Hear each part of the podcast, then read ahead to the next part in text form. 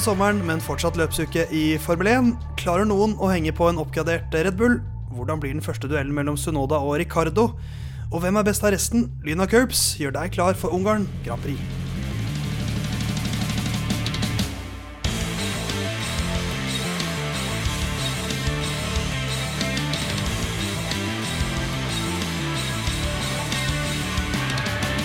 Lina Curbs sin hyllest til eh, Nintendo 64 kommer i vår 64. episode. Theis bak spak og klaff, eh, eller egentlig bak mus og tastatur og mikrofon hjemme i egen leilighet. Herman Borgstrøm, min gode mann og venn og kollega, hva er ditt forhold til Nintendo 64? Oh, der har jeg veldig godt forhold til Nintendo 64. Jeg bygger opp setningene sånn. Uh, og uansett så er det ingen som kommer til å høre meg, fordi jeg har så dårlig lydkvalitet på den mikrofonen her, at uh, hva jeg svarer nå, det har egentlig ingenting å si, så vi burde bare gå videre til neste. Ja, mens du, Jon, du har jo vært en stor Nintendo 64-fantast gjennom mange år. Eh, nei, vi var faktisk en PlayStation-familie der eh, jeg vokste opp. Eh, men jeg hadde kompis med Nintendo 64, og da var det Da man spilte Pokémon på Gameboy, man kunne liksom få over det her Pokémon Stadium, det er det jeg husker best fra Nintendo 64. Men Herman, bortsett fra å være ikke på å være Er du den av oss tre som er mest distansert fra begrepet gamer? Selv om ja. du på en måte egentlig gamer sikkert mer enn Jon, så er du, du er den som tar mest avstand fra det. Ja, for jeg eh, Hvorfor det? Jeg driver bare med TV-spill. Jeg har aldri vært en Du driver med TV-spill, du, du, er ikke gamer? Nei, nei, nei, nei, jeg er ikke noe gamer. Uh, det, det, tar jeg sterk avstand fra. Fordi gamer, der ligger det både et engasjement og et visst nivå i bånn. Jeg er bare en hverdagslig kar som av og til slår på PlayStation 5-en og, og herjer litt rundt. Er mange timer har du? Uh, jeg, jeg, er en gamer, eh, sannsynligvis vanligvis mindre enn Herman. Hvor mange timer har du i Warzone? Det er ganske mange, men FM har jeg foran meg. Der har jeg 808 på årets. Ikke sant. Og det, det kan, det primært spilles på TV-en, det? Eh, nei. Det kan godt hende at Herman er den med flest, flest, timer med dataspill, faktisk, av alle oss tre. Og jeg er ganske stor gamer, så det er godt gjort. Jeg, jeg er ikke overraska. Men eh, han gjør jo det innimellom. Det jo, han åpner jo først FM, så Outlook, og så eh, Google Chrome når han kommer på jobb. ja, det er sant. Men uh, vi skal ikke bare snakke om Hermans gamingvaner, vi skal snakke litt om Formel 1 i dag også. Uh, Ungarn Grand Prix nærmer seg, det er race week. Vi skal prate om Formel 2, ja, vi må dessverre innom det også, selv om det går ganske rett vest for Dennis uh, Hauger. Så tenkte jeg at vi skulle se litt uh, på hvordan det går med de gutta som har forsvunnet fra Formel 1 de siste årene. De som har blitt sparka ut, rett og slett. Det er jo litt i tiden. For vi må jo selvsagt prate litt, om, litt mer om Daniel Ricardo, litt mer da rettet opp mot knyttet opp mot Ungarns Grand Prix. Vi har prata mye om tallet 64. Vi nærmer oss jo eh, favorittallet til Jon Halvdan og Herman, som de, sagt, som de, har sagt, at jeg må ha et stort fokus på, nemlig 69, men det er fortsatt fem episoder dit. Så jeg får begynne med å knytte opp tallet 64 da, mot Formel 1-sporten. Og nok en gang så har jeg klart å koble eh, tallet opp mot et relevant løp, nemlig Ungarns Grand Prix. Eh, Herman, i denne ukens innspilling så står du som navnet Damon Hill ja. Det er ikke han det skal handle om, men, men det er på en måte litt, litt den samme typen, føler jeg. Mark Webber, som jeg føler på en eller annen måte gir meg litt sånn samme vibe. De er samme... Det er en som kjørte for ikke så lenge siden. De er samme person. Det er samme person. Men Mark Webber, han uh, har jo vært en knallgod Formel 1-fører. Uh, eh, han har ledet gjett hvor mange runder i Ungarns Grand Prix? 64. 64 runder. Senest i 2013, da ledet han ni runder. Beste løpet hans der var jo da i 2010. Eh, da ledet han 55 runder, vant faktisk. Um, og Det var også den sesongen der han var nærmest å bli verdensmester, rett og slett. Uh, og med vel tre løp igjen, så ledet han med 14 poeng på både Alonso og Fettel. Så det så veldig lovende ut. Men i da det neste løpet, Sør-Koreas Grand Prix, som var det tredje siste, så krasja han i vått, i vått vær, eh, selvforskyldt, så det var på en måte hans hans skyld, og ble da til slutt nummer tre i det mesterskapet. For det gikk ikke så Han ble vel nummer åtte og nummer to eh, i de to siste løpene også, så det gikk ikke så bra. Fettel eh, tok jo da sin første VM-tittel, så det var det nærmeste eh, Mark Webber var å vinne VM. Det var det året der han vant Ungarns Grand Prix og ledet da 55 av totalt 64 runder som han hadde i ledelsen. Herman, hva husker du? Liten lekseprøve. Hva husker du fra det jeg nettopp har snakket om? Altså, jeg slutta, jeg slutta ja. for ca. fem sekunder. Han leda, leda 64 runder. Ja. Uh, i den sesongen hvor han var nærmest å vinne VM sammen. Nesten riktig. I den sesongen leda han 55 runder, men han var totalt da 64 runder Okay. i uh, ungarsk Grand Men til mitt uh, forsvar så satt jeg og kikka litt på uh, F5? Nei, hvor jeg kommer til å være episode 69. Ja, det er LA. Men jeg, jeg ville snakke litt om Damon Hill, jeg. Eh, For når vi skal sammenligne eh, Mark Webber eh, og Damon Hill, så har bedre. Hill har et eh, verdensmesterskap. eh, og er, blir 63 år, så du kunne nesten brukt han denne sesongen. Han er, eller denne episoden. Og han er også med i den F1 Nation-podkasten, som er Ja, eh, ganske bra. Ask Damon, han gjør en god jobb der. Så, så Mark Webber der, altså. eh, han har vunnet ungarsk Grand Prix. Kanskje vi da skal dundre i gang og prate litt om ungarsk eh, Grand Prix?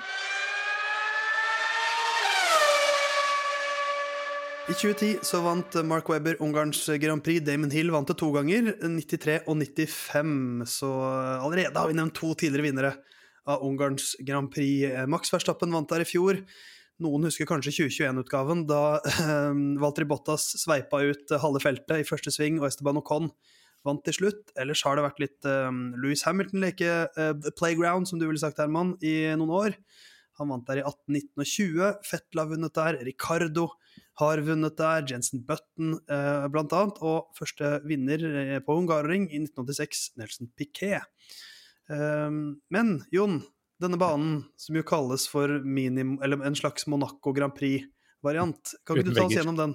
Jo da, uten vegger. Eh, den er eh, en bane som er 4381 meter, fordelt på 14 svinger, og ganske tett og teknisk bane, sammenligna med f.eks. banen vi har forlatt i Storbritannia.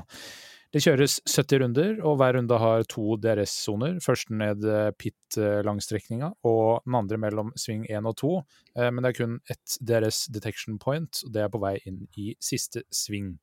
Eh, sving 1 og sving 2 er typiske forbikjøringssteder, og sving 2 er kanskje mest sannsynlig, for da har du fått den eh, doble DRS-en. Eh, så det blir spennende å se. En mye, mye tett bane, men ikke helt så actionløs som det Monaco kan være.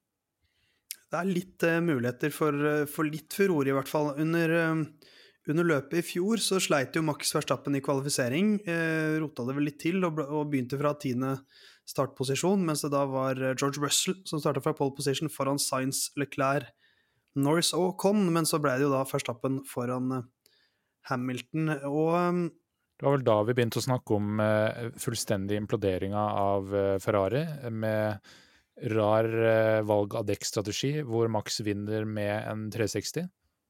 Ja, stemmer det. Det var der han tok en 360 fuck ut til alle sammen, bare for å vise hvor overlegen han var.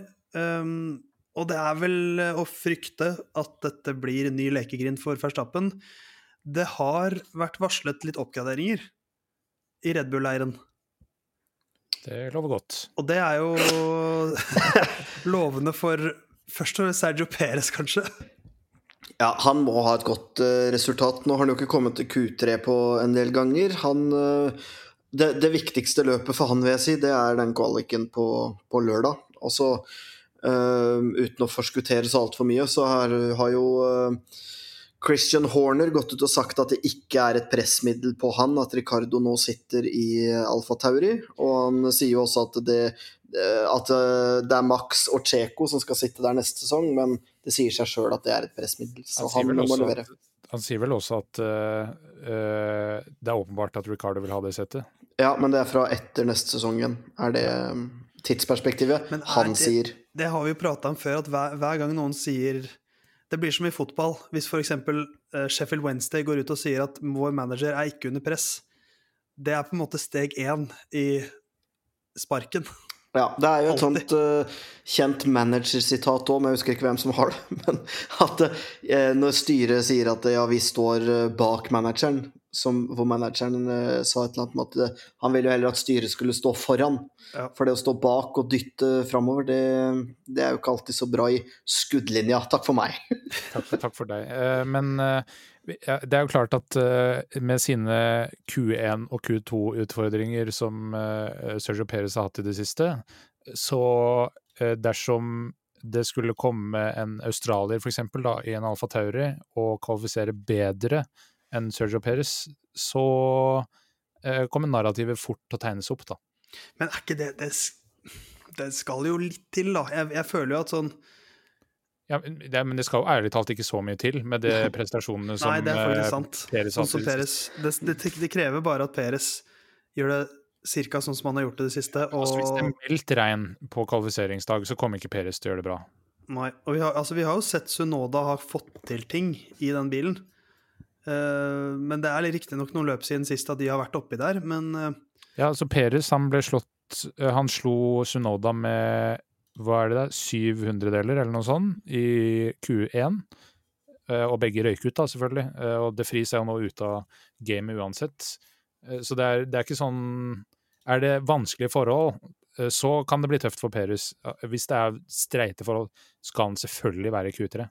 Men det er jo litt dårlig nytt for, eh, for resten av feltet at Red Bull kommer med noen oppgraderinger, da. Fordi Kan være nedgraderinger.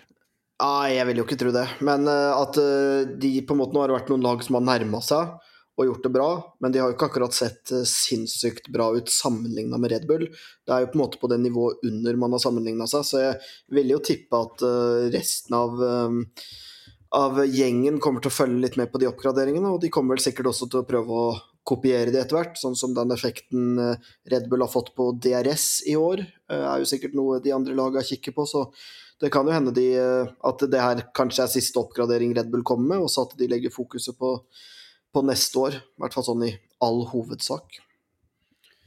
Så um, vi får se. Um, vi har begynt å prate litt om Ricardo og, og Sunoda. Hva Vi har prata mye om Ricardo forrige uke. Hva betyr inntoget her for Sunoda, da?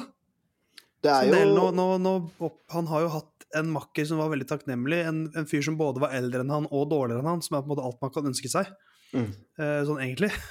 Mens nå kommer det inn en eldre fyr som er uh, ganske mye mer karismatisk enn uh, Nikasius, men som vi er litt usikre på hvor er nivåmessig, men som har mye bedre CV enn Nik Nykter Friis hadde.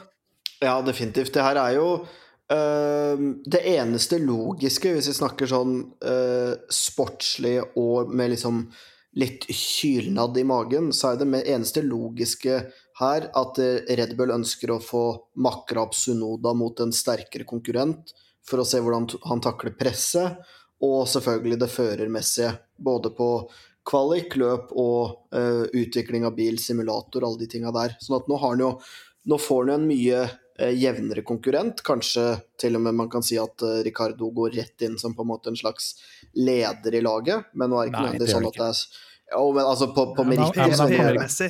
Altså, om man svarer først på pressekonferansen e- eller har uh, gul T-cam altså, eh, det, Han vil ikke være førstefører i laget. Det vil ja, men- være Ja, men altså, Maxituren i Alfa Tauri er såpass jevn at uansett uh, presterer Dan Ricardo best og ligger forrest på banen, så ja, da får han første uh, Altså de beste strategien. Men hvis Yuki Sunoda er foran, så vil han ikke prioriteres eh, foran Sunoda. Nei, selvfølgelig ikke, men nå er det jo snakk om sånne ting som eh, når de skal utvikle bil, da, også, og hvordan de skal gjøre forbedringer. Hvis eh, Ricardo sier at de vil A, og Sunodo vil at de skal B, fordi de har ulike preferanser, så ser jeg for meg at Ricardo sine meninger vil fort veie tyngst, og sånn sett kunne være en, mer en førstefører. Da. Mer press vil legge på han. Hvis Alfa Tauro gjør det dårlig, så vil det være større fokus på at Ricardo gjør det dårlig enn at Sunoda gjør det. Så det er jo mer pakka rundt jeg tenker på, ikke akkurat på løpsstrategi. Nei. Men hvem, hvem har hva, hva, For det er et spørsmål jeg har. Hva, hva er grunnen til at jeg hentet inn Ricardo? Det er elleve års aldersforskjell mellom de to. Er tanken at Ricardo skal inn her, og så er tanken at han skal kunne kjøre seg inn i Red Bull-setet? Eller er det en slags test av Sunoda, først og fremst, som er grunnen til at det har plassert han der? Eh, For altså, Formel 1-fremtiden til Sunoda er jo potensielt mye lenger Ja, det er jo lurere å investere i Sunoda på en måte enn Ricardo, for Ricardo er jo en aksje på vei ned. Ja, men jeg vil jo si at det er for å teste ut Sunoda mer. Og hvis du ser på hvorfor man tok ut De Vries, er uh, han har vunnet Le Mans, eh, han har vunnet uh, Formel E. Uh, ja, han er en rookie i Formel 1-sammenheng, men her forventa man at man leverte bedre, så tålmodigheten ville være kortere med han. Jeg syns ikke det er riktig at det er så kort som det var nå, men kortere enn en Mick Schumacher som kommer direkte fra F2 eh, uten eh, noen andre resultat noen andre plasser. Så man forventa mer av Nykter Friis. Eh, og derfor er han ute nå.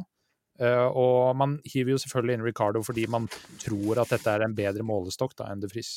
Jeg tror nok det er at vi er på det punktet i dårlige actionfilmer hvor helten og skurken legger ned våpenet. Og så velger de også å gjøre opp med nevene. Jeg tror det er det Red Bull ønsker å sette opp til i Alfa Tauri nå. Og jeg, jeg, føler meg ganske sikker på at uh, hvis enten Sunoda eller Ricardo gjør det veldig bra i Alfa Tauri, så får de sete til Tsjeko. Om det er neste år ja, kan fort være neste år, det kommer litt an på hvordan Tsjeko leverer. da. Og jeg tror f.eks. at hvis Ricardo kommer inn der nå og gjør det veldig dårlig, så forsvinner han ut igjen etter en halv sesong, og vi ser han aldri igjen. Men jeg tror også hvis Ricardo knuser Sunoda, på en måte, og begynner å ta poeng i den Alfa Taurien og gjøre ting som på en måte Sunoda ikke har klart så mye eh, tidligere i år heller, så tror jeg plutselig Sunoda sin Formel 1-karriere altså blir veldig kort. Så jeg tror egentlig det er en rein sånn målestokk og survival of the fittest. Og så er eh, jokeren hva som skjer med Tsjeko, da.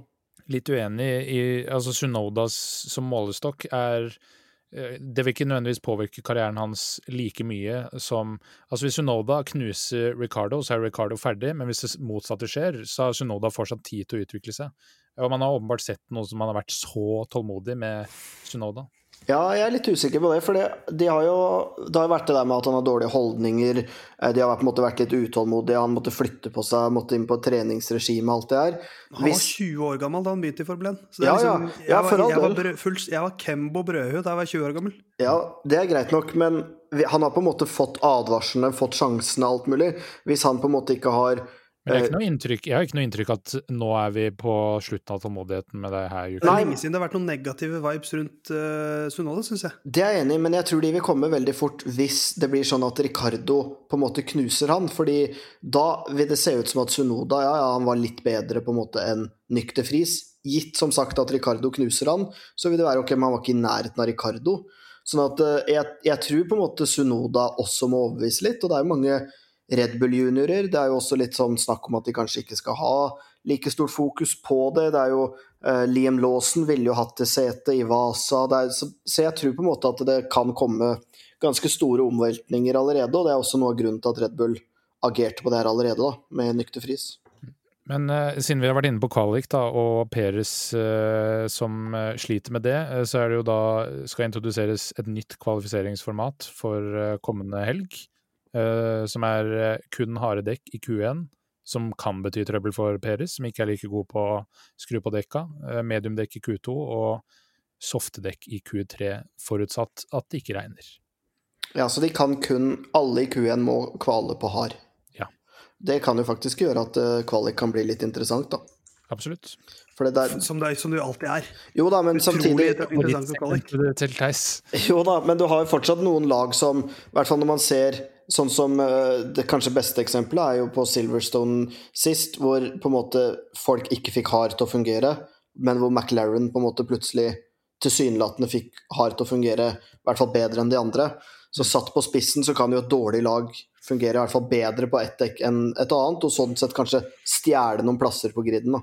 Ja, og som McLaren for eksempel, da, som er, uh, stresser dekka mer enn uh, andre lag, uh, som gjør at når det er mye high, high tire deg, altså at de sliter dekka mye, så vil de slite mer. Men i en kvalik der det er 20 biler som skal rundt en relativt kort bane, så vil det å skru på dekka raskt, som McLaren kommer til å gjøre, være en fordel i Q1.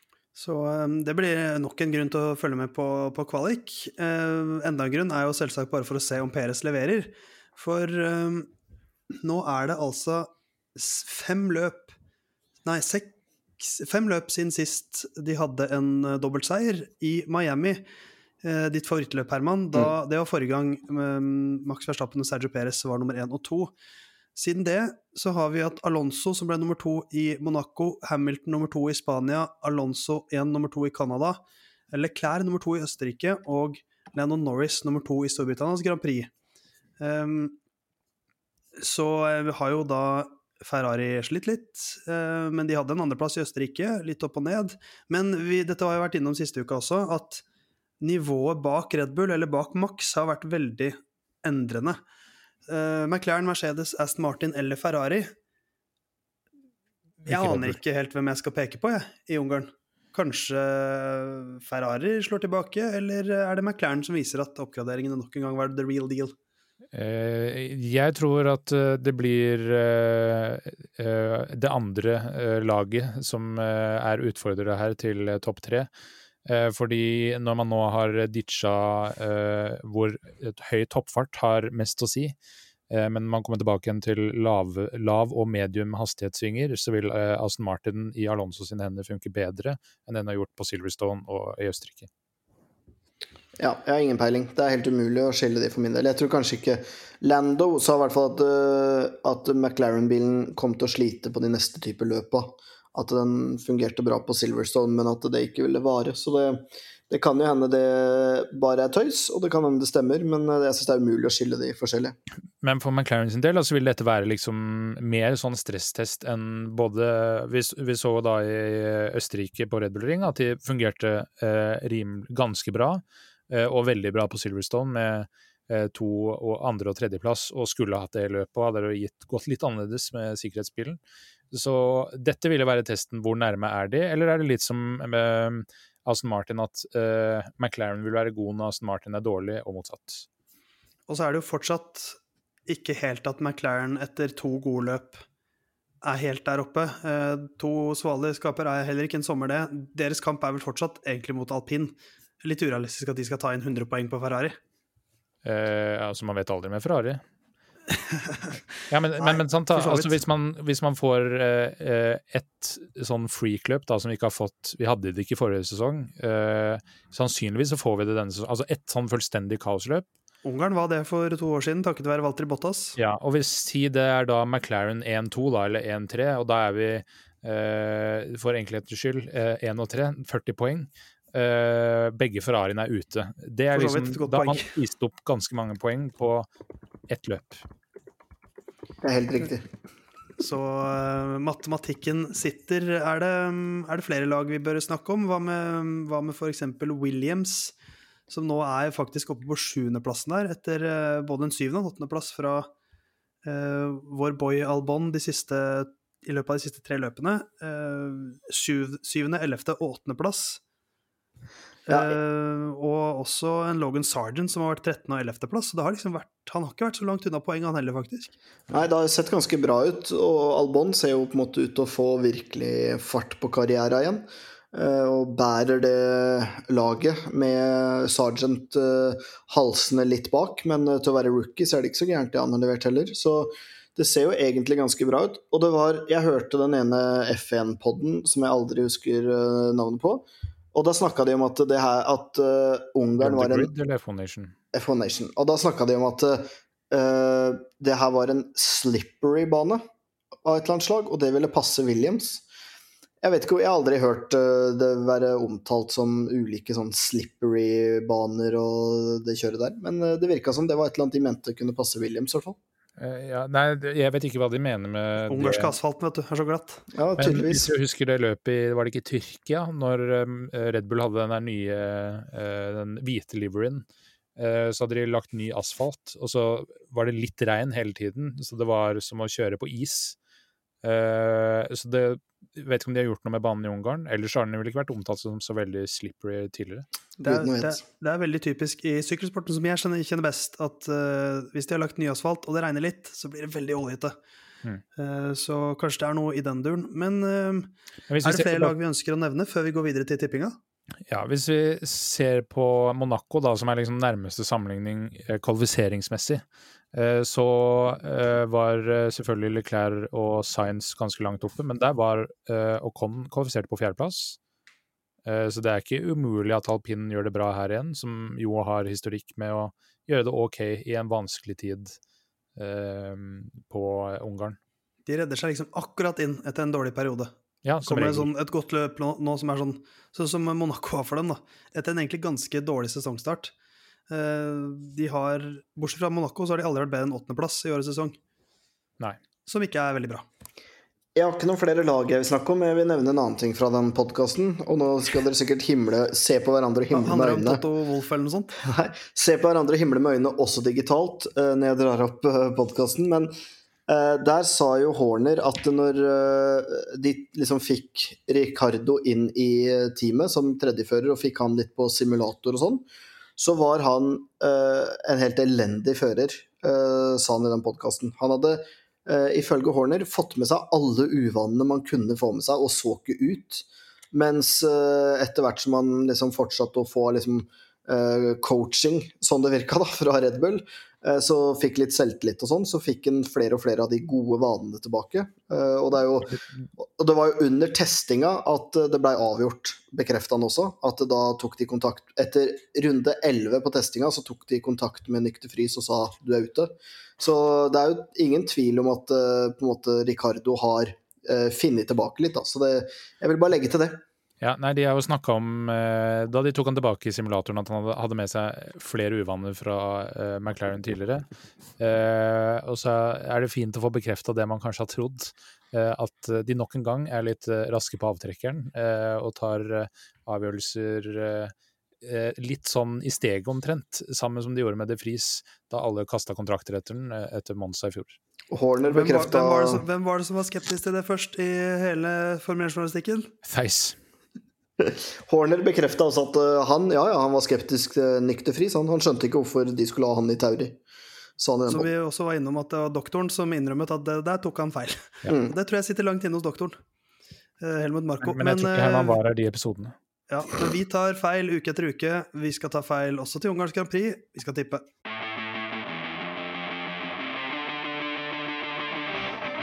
Vi skal se hvem som tar mest feil denne uka. da. Tippinga vår fortsetter. Vi tipper de tre beste. Eh, Vi får tre poeng hvis man treffer riktig på én plassering. Setter du Verstappen på andreplass, men han vinner, så får du ett poeng på at du hadde han på topp tre, i hvert fall. Så har vi også Ukens sjuking, eh, hvor vi forsøker å spå en sinnssyk hendelse som skjer i løpet av løpshelgen. Treffer du 20 poeng. Eh, Men er du den av oss tre som er nærmest, så får du ett sånn bonuspoeng som vi skal da diskutere oss fram til etter løpet. Og det er jo da eh, blitt det ene bonuspoenget blitt Theis sitt sympatipoenghjørne til eh, Herman, som ligger Ja. bakerst i konkurransen med 38 poeng. Eh, tre poeng bak eh, Theis, som har 41, og jeg leder med 48. Ukens sjuking må også da bli enige om eh, Du må få støtte fra én Anna i eh, panelet, eh, som i dag består av Herman, Theis og Unn Halvdan. Eh, vanligvis en til. Men eh, jeg tenker kanskje at vi bare starter med topp tre som, som sek eh, sekretær for denne konkurransen. Eh, Herman, få høre topp tre. Max Verstappen. Dette ser jeg at du ikke har forberedt, Herman, så det var fint du begynte. Ja, Max Verstappen. Og så har jeg Leclerc, og så har jeg Alonso. All right. Theis? Mm, jeg skal prøve å lese det litt som Herman, selv om jeg har det skrevet på skjermen fra meg. Gjør det, så kan jeg se. Og Max, Max Verstappen tar nok, tar nok seieren, ja. Han har sett såpass bra ut. Um, ja, det er klart nå, de, de oppgraderingene til Red Bull kan jo kanskje gi Tsjekko litt sånn selvtillit, så jeg tror jeg tar Sergio Perez på andreplass. Ja. Så vet jeg ikke Jeg føler alltid at når, når et lag har hatt framgang og sier sånn 'neste bane er ikke vår', så tror jeg aldri helt på det. Så jeg går for Landon Norris. Jeg tror liksom at form er litt ferskvare. Så jeg tror Lando Norris blir nummer tre. Det er litt sånn skudd, skudd fra hofta, det her, så jeg hadde ikke forberedt det. Men det blir, jeg tror det blir Var det Verstappen, Perez, Norris jeg sa? ja, det var det. det, da, da blir det det. Jeg vil bare komme med en tilbakemelding på skuespillerprestasjonen. Det var Veldig bra åpning, og så ble det overspilt. Nei, jeg syns det er kult at du står og løper ut, jeg, Tess. Eh, jeg har, eh, Husker du den Norris-sangen min, eller jeg er kongen av å stå og løpe ut? Vi har siden Spania, eh, som betyr da Spania, Canada, Østerrike, Storbritannia og nå Ungarn, tippa forstappen på førsteplass alle sammen. Det fortsetter jeg selvfølgelig med. Eh, jeg tror at nå er de grønne uh, Aston Martin tilbake. Uh, Jaguaren slår tilbake. Derfor blir det Alonso på andreplass. Uh, og jeg er litt som deg, Theis. Eh, tror at det er sandbagging fra Norris en del, og setter han på tredjeplass. Mental sandbagging, sånn som Herman har holdt på med hele livet sitt. Ja, og som uh, den uh, skolegutten du er, uh, Herman, eh, start med din ukens sjuking. Daniel Ricardo fullfører ikke løpet, men blir driver of the day. Oi. Jeg ser ikke helt hvordan Da må han på en måte starte fra pole position eller noe sånt, føler jeg. Eh, Eller at det må skje noe veldig sent. Jeg, jeg syns den er godkjent. Og det holder. Ja, for å bli driver of the day, det er jo ikke så vanskelig. Eller ja, det er sant. Men, Ja, men det var godkjent. også en Herman, Herman har jo satt altså han er den, Det har vi snakka om før, Theis. Han er jo den vi vet som bruker mest penger. Eh, så eh, han kan jo bare gå inn og trykke FM, eh, stem på Danny Ricardo inne på Formel 1 sine sider, eh, og egenhendig sende han til toppen. Ja, Så for det er. Det, det jeg tror vi må ha- Ricardo-fanbasen er- fanga. Det. Bordet har fanga. Jeg har fått den godkjent. Det, Det er men, bare men videre det, til sa, det sa jeg forrige uke, at dette er i stor grad et bløffespill som handler om å lure folk, og jeg lot meg lure. Ja, det er videre til Men, neste. men her lå det da med at han ikke fullfører også. Fullfører ikke men løpet. Jeg syns det skal være driver of the day med en Nei. minimum score. Du kan ikke, det er godkjent. Videre. Hvem er sekretær? Hvem er neste? Nei, det er lov, det er lov å snu på Bordet fanger. Det, er- jo, det, er, altså, det har vi gjort flere ganger. Bordet fanger. Han er tilbøyelig til å Han sa den var godkjent! Det har vi aldri sagt før, og så gå tilbake på det. Jeg må, jeg må ha noe mer spesifikt. Nei. Når i løpet er det han øh, Jeg får ikke det. Han øh, mm. Men det er vanskelig når han slår seg så vrang. Er den er godkjent. Det er ja, ikke min feil. Du har merka hvor mye mer han er på episodene. Han har fått sin gud tilbake igjen i Formel 1. Om vi pusher han Ja. litt ekstra her, så betyr ikke det at han ikke møter opp på tirsdag. Nei. Nei, men, det Men, her, eh, den er godkjent, så dere kan, dere kan godt si og legge til alt mulig, men hvis det der inntreffer, så har jeg allerede fått den godkjent. Men jeg tror den har låst seg. Mm. Så jeg Ja. tror den, den må bare fare. Så får vi heller si at uh, Da får det heller bli en Fordi at fordelen er at hvis han da vinner årets sesong, så, kan, så blir det på en måte uh, sånn som da Verstappen vant sin første tittel. Det blir litt sånn samme dynamikk. At dette var egentlig ikke din tittel, og da kan vi bruke det mot han i all evighet. Så jeg lar den gå. Litt på grunn av det. Theis, hva er din ukens? Um, McLaren P1 og P2 i Q1.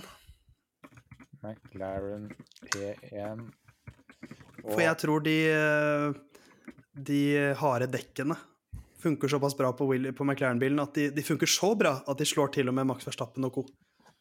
Okay. Hvis Red Bull-oppgraderinga er rykta med to tideler Ja, på ja. omgang Det, det er jo Det skal jo en del til. Um, I, i, altså i um, De var jo Jeg riktignok ja, ja, Q1 i Storbritannia, men har jo de sagt selv at uh, de var P1 i, i Storbritannia i, i Hvis- Q1. Hvis P2 til P3 er minst en tidel Ja, vet hva? Ja, det, men jeg er med på den nå. Nei, vet du hva, jeg godkjenner den, jeg. Jeg godkjenner den. Det hjelper å ha venner, vet du, Jon Halvdan. Ikke bare kolleger. Som den sto! Godkjent! Ja. Men det skal en del til, da. Altså dette, jeg, jeg, jeg kjøper jo litt det Norris sier her, om at dette er ikke perfekt bane for oss, men jeg kjøper det ikke så mye som han prøver å selge det inn. Eh, Jeg har Daniel Ricardo kommer til Q3 og kvalifiserer høyere enn Perez og Sunoda. Ja, han skal komme seg til Q3 i en uh, Alfa Tauri, det tror jeg ikke går. Og kvalifiserer høyere enn Peres i en Red Bull. Ja, og Sunoda, som i så fall sitter i en Alfa Tauri som fungerer bra på de forholdene. det, da syns jeg Ricardo gjør det såpass Da gjør han det mye bedre enn jeg forventer, og Perez gjør det cirka som man kanskje forventer, men som han egentlig jo ikke bør. Ja, ja. Sunoda, jokeren. Nei, jeg, jeg er med på den. Alle godkjent, altså. Tenk at Sunoda gjort den men, okay. men da, eh, for å oppsummere, eh, som vi har gjort de eh, tre, fire foregående løpshelgene, så også denne helga tipper vi at det er Verstappen som er på førsteplass. Jeg tror det er Alonso som tar andre. Theis tror Perez, mens Herman tror Leclerc. Jeg og Theis er enige om at det er Norris som tar tredjeplass, mens der tror Herman at det er Alonso som ender opp. Når det gjelder ukens sjuking, så tror jeg at denne Ricardo kommer til Q3 og kvalifiserer høyere enn Peres og Sunoda. Eh, Theis tipper at McLaren eh, fullfører Q1, eh, først på P1 og P2, mens Herman tror at Daniel Ricardo ikke fullfører løpet, men likevel blir kåra til driver of the day. Så da er alt på stell. Vi får se hvem som treffer denne uka. Kan føle at alle kan få ukens sjuking.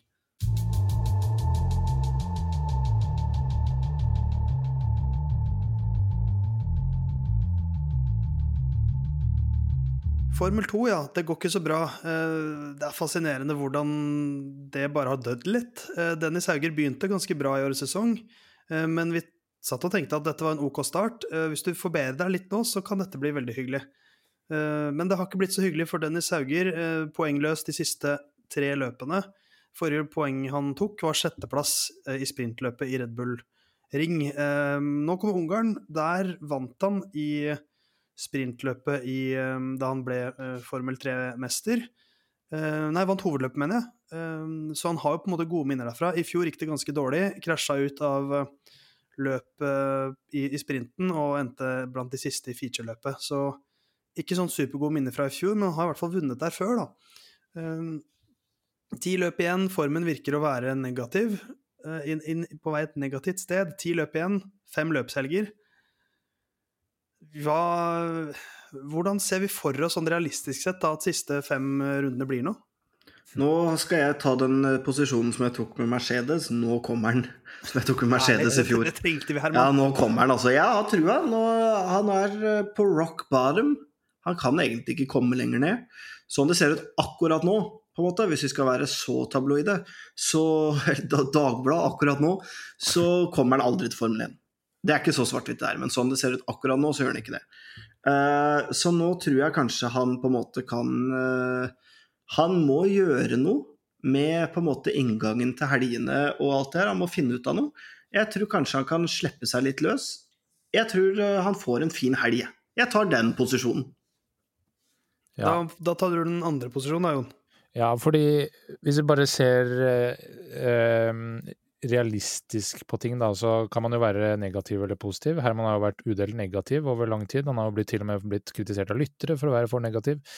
Eh, men sånn det har sett ut etter at man på eh, Hva skal vi si veldig idiotisk vis krasja ut fra førsteplass i Baku. Altså Man må kunne kalle det eller ikke idiotisk, men iallfall eh, erfaringsdårlig. Eh, eh, altså ferdig, la, lave ferdigheter når man krasjer ut eh, eh fra eh, restart under safety car.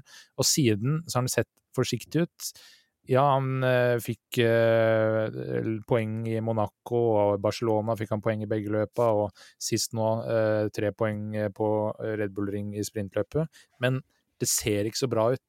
Når du liksom skal ta deg opp igjen, og det er, et, det er ofte et problem med enten taktikk eller eh, strategi, eh, og taktikk, altså i kvalifiseringstaktikk, noe med laget, lagkameratene Altså når det er noe gærent med alle rundt, sånn som jeg pleier å si, da er det kanskje noe gærent med deg også. Så litt usikker på hvordan det her skal gå resten av sesongen. Det er ikke Dagbladet-kjørt enda, men det begynner å nærme seg. Jeg tenker jo at så lenge han kjører Formel 2, så er ikke ting kjørt, men uh, For jeg tror han har, nok, han har, gjort nok til å få en plass der neste år også, men, men det, det, må en sånn supersesong til. Uh, og ofte så kommer en seier i, i Formel 2 etter et, etter et, år med progresjon, og år i år virker jo ikke så veldig Det virker ikke som et steg Altså, han ble nummer ti i fjor. Nå ligger han på tiendeplass. Ja, men hvis du da eh. sammenligner med altså de overan, da, med både Vesti og Porcher og Ivassa og Martin og Duan osv., så, videre, så har du Ollie Bearman, 18 år, har satt ganske fyr på F2 etter at han kom inn. Hvorfor skal man da velge Dennis, som nå er på sin andre sesong, og er eh, ikke gammel, men han er ikke 18 heller. Eh, så det er sånn Nei, altså Basert på årets sesong så er det ingen grunn til å velge Dennis foran noen av de der, men gitt at Ollie Bearman kanskje ikke kommer til Formel 1 etter årets sesong, så er sannsynligheten stor for at de kjører i Formel 2 sammen neste år også. Det er det. Og hvis Dennis da er raskest av alle, så endres jo uh, plottet igjen. Så det er jo det som blir Dennis sin mulighet nå, neste år. Absolutt. Uh, men da begynner det å bli tredje sesongen i Formel 2, og det er ikke så sannsynlig at Det er en Drøgovic-greie, uh, da. Da blir en Drøgovic seg, men hvis du må inn i fjerde og femte sesongen, da Ja, da er du ferdig da er du finito. Så vi får si lykke til, Dennis. Eh, og så, før vi takker for oss, så skal vi se litt på de som har forlatt Formel 1 de siste årene.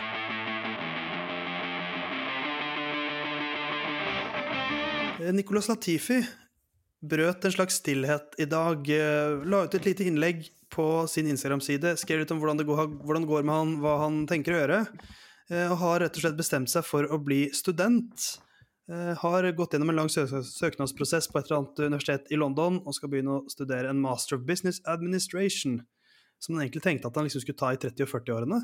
Men som var liksom sånn, ja, han landa på det. Um, så jeg tenkte å bare, bare, ta en liten gjennomgang på hvilke hva liksom de som har forsvunnet de siste årene, gjør nå. Uh, Nykter Friis er jo på en måte siste i rekken, og han er det jo litt opp i luften hva han gjør. Uh, han spiser lunsj med en Toto Wolff. Er hos Nav. er hos eh, den eh, ja, eh, nederlandske varianten av Nav. De nederlandske arbeidsforvaltning, som det sikkert heter. Ja, det er nok det. Um, og så prøvde jeg å finne ut av hva Sebastian Fettel gjør, men han Jeg har bare skrevet på mitt notat 'kødde rundt litt'. Ja, han var jo nå ute og uttalte seg at Formel 1 må endre seg hvis de skal forbli en sport som er verdt å se, eh, og refererte da blant annet til eh, løpet på Imola som ble regna bort, og at vi vil få flere sånne hendelser hvis ikke man tar seriøse eh, klimaforandringsmessige grep, og der bør Formel Formel 1 også være, være med, ifølge eh, Sebastian Fettel. Ja. Det ser man jo flere idretter. Ekstremværet i større og større grad påvirker utendørsidrettene. Eh, Så Fettel blir en eh, slags eh, Greta Thunberg i Formel 1-verdenen. Det kan jeg like. Mick Schumacher forsvant jo også ut i 2022. Han er jo nå reserve i Mercedes etter at han ble droppa av Ferrari. Mens Nikita Masipin, vet dere hva han gjør nå?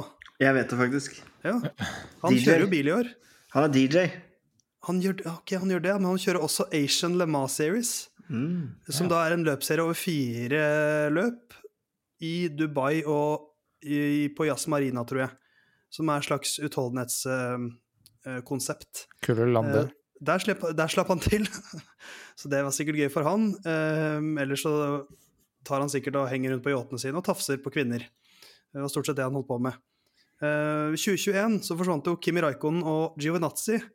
Uh, Giovinazzi vant jo nylig på Le Mans i det ordentlige 24-timersløpet, uh, så han kjører jo FIA World Endurance Championship og gjør det ganske bra der.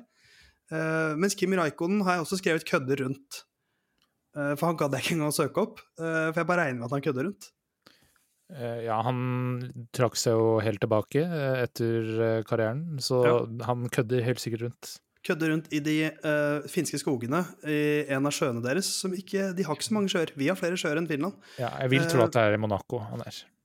Um, og så helt til slutt så tenkte jeg bare å spørre av dagens Formel 1-felt, med nå Ricardo inn, hvem er den neste som forsvinner ut? Oh. Jeg tror Tsjeko, jeg, altså. Jeg tror faktisk det. Han eh, Han har da, eh, for da må han nesten ryke etter årets sesong. Ja, ja, ja. Eller før. Jeg, jeg ville nesten tro det.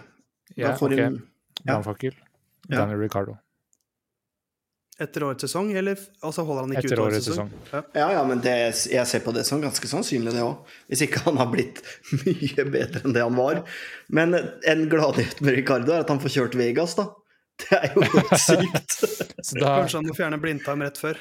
Ja, det er sant. karrieremål nådd. Ja. Jeg Men- tror, eh, jeg får si noe annet, jeg da. Prøve å være litt annerledes. Jeg tror en av Has-gutta. eh, Altså her, det er uh, Trekk et navn opp på hatten. Eh, Hamilton kan også ha kjørt sitt siste Ja. løp uh, etter desember. men jeg, jeg tror med de dere to nevner, så tror jeg vi er inne på noe.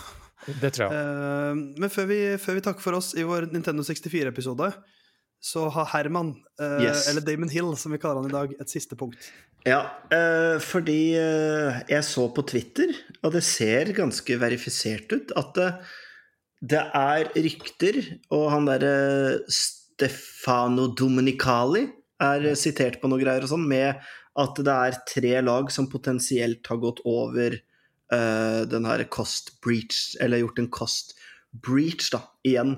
Uh, og det kan godt hende det bare er rykter, det kan godt hende det ikke stemmer, det kan være mange faktorer som spiller inn, men det er i hvert fall en snakkis igjen da, om at, tre, at flere lag har gått over hva de har lov til å bruke, uh, som er ganske spesielt ut ifra hvordan fjoråret var, men det var jo igjen for året før, da, så det er snakk om 2022 selvfølgelig. Så det er jo litt gammel moro man kan bli tatt på nå, da, i så fall. Og vi begynner vel å nærme oss den delen av sesongen. Det er litt sånn som Uh, vi som er selvstendig næringsdrivende, vi får jo skattemeldinga tilbake i, sånn, i august, sånn ordentlig. Uh, eller da må vi må betale forskuddsskatt og sånn, så det er jo da du må betale for gammel moro. Mm. Uh, og det er jo to ting vi må håpe på for å holde Herman fortsatt involvert i Linda Curbs. Det er at Ricardo kommer tilbake og leverer, og det er at Red Bull går over cost-penny-capen igjen. For da blir Herman engasjert, og det trenger vi. Ja, jeg blir engasjert, og det er også sitert fra det jeg tror er kredible kilder, folkens. Ta det med en klype salt. At eh, det er ønskelig at det, blir, at det får sportslige konsekvenser denne gangen her, og ikke eh, altså bøter. Det så jeg også en, eh, en bli sitert på. Og vi har bachelor i journalistikk alle tre, så vi kan kildekritikk. Ja. Så den mest kildekritiske podkasten i Norge, vi eh, suser videre gjennom sommeren, episode 65 om en uke etter Ungarns Grand Prix. Da har alle tre truff- truffet på ukens sjuking. Tenk det, det er sjukt. Det er Herman, siste ord fra deg. Eh, Jeg fikk aldri fullført hvor jeg er når eh, jubileumsepisoden spilles inn, men det er som Jon Halvdan hadde riktig med, det er i LA. Mm. Og du, Jon, hvor er du når vi har episode 69? Eh, nei, jeg vet bare hvor jeg er eh, neste uke, som er København eller Stockholm. Litt usikker. Eh, en For en globetrotter. Ja, utrolig. Men da høres vi om en uke, da, uansett. Det gjør vi. Ha det. Ha det.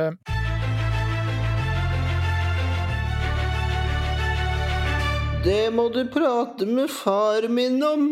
Han sitter der borte i skapet sitt.